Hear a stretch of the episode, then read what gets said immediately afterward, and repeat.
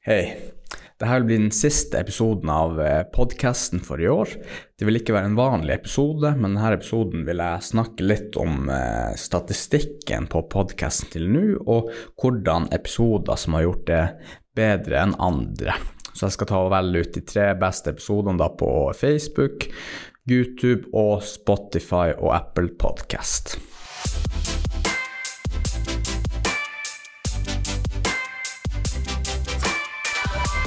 På Apple Podcast og Spotify så er det Jonas Haugen som ligger på tredjeplass med 156 eh, nedlastninger av denne episoden.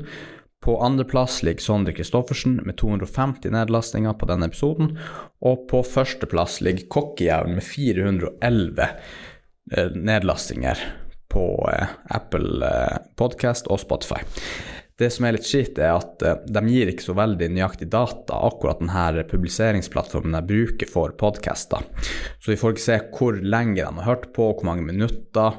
Men uh, hvis vi ser litt på YouTube, hva som har gjort det bra der, så kan vi se på uh, der hadde Jonas Haugen fått 681 views, og den episoden ble sett på totalt 84,4 timer.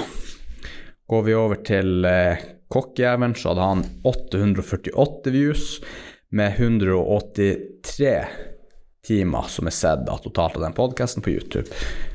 Og eh, Sondre Christoffersen, eh, han var jo på podkasten, og på YouTube har han fått 1300 views av denne episoden, og ca. 240 timer er sett da på YouTube. Og den er veldig Jeg ser nå, de siste 48 timene, så har faktisk eh, nesten ti folk sett på den, så den er egentlig ganske aktiv og ser ut som folk liker den.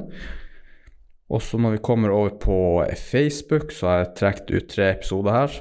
Totalt så har Kokkjævelen sin podkast blitt sett, eller denne episoden blitt sett 10 800 minutter. Det er ganske mye. Også hvis vi ser på andreplass, ligger han eh, Daniel André Adamsen, som eh, folk har sett 11 000 minutter av den episoden, så det er også ganske store tall. Men eh, på toppen er det jo han Sondre Christoffersen sin, sin episode, da, som har blitt sett i 34 000 minutter. Det er jo veldig artig at eh, man har fått så store tall på enkelte episoder, men det har jo vært veldig interessante gjester som har fått lov å intervjue også siden her har blitt starta. Man har jo eh, lært veldig mye av å intervjue alle de her personene, og det har vært enormt lærerikt, både hvordan man kommuniserer med folk, og hvordan verden funker generelt.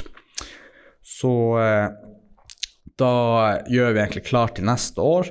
Vi har allerede noen gjester som står på vent, som vi skal intervjue i januar. Så i januar så peiser vi på og får enda flere episoder som dere kan høre på og se på.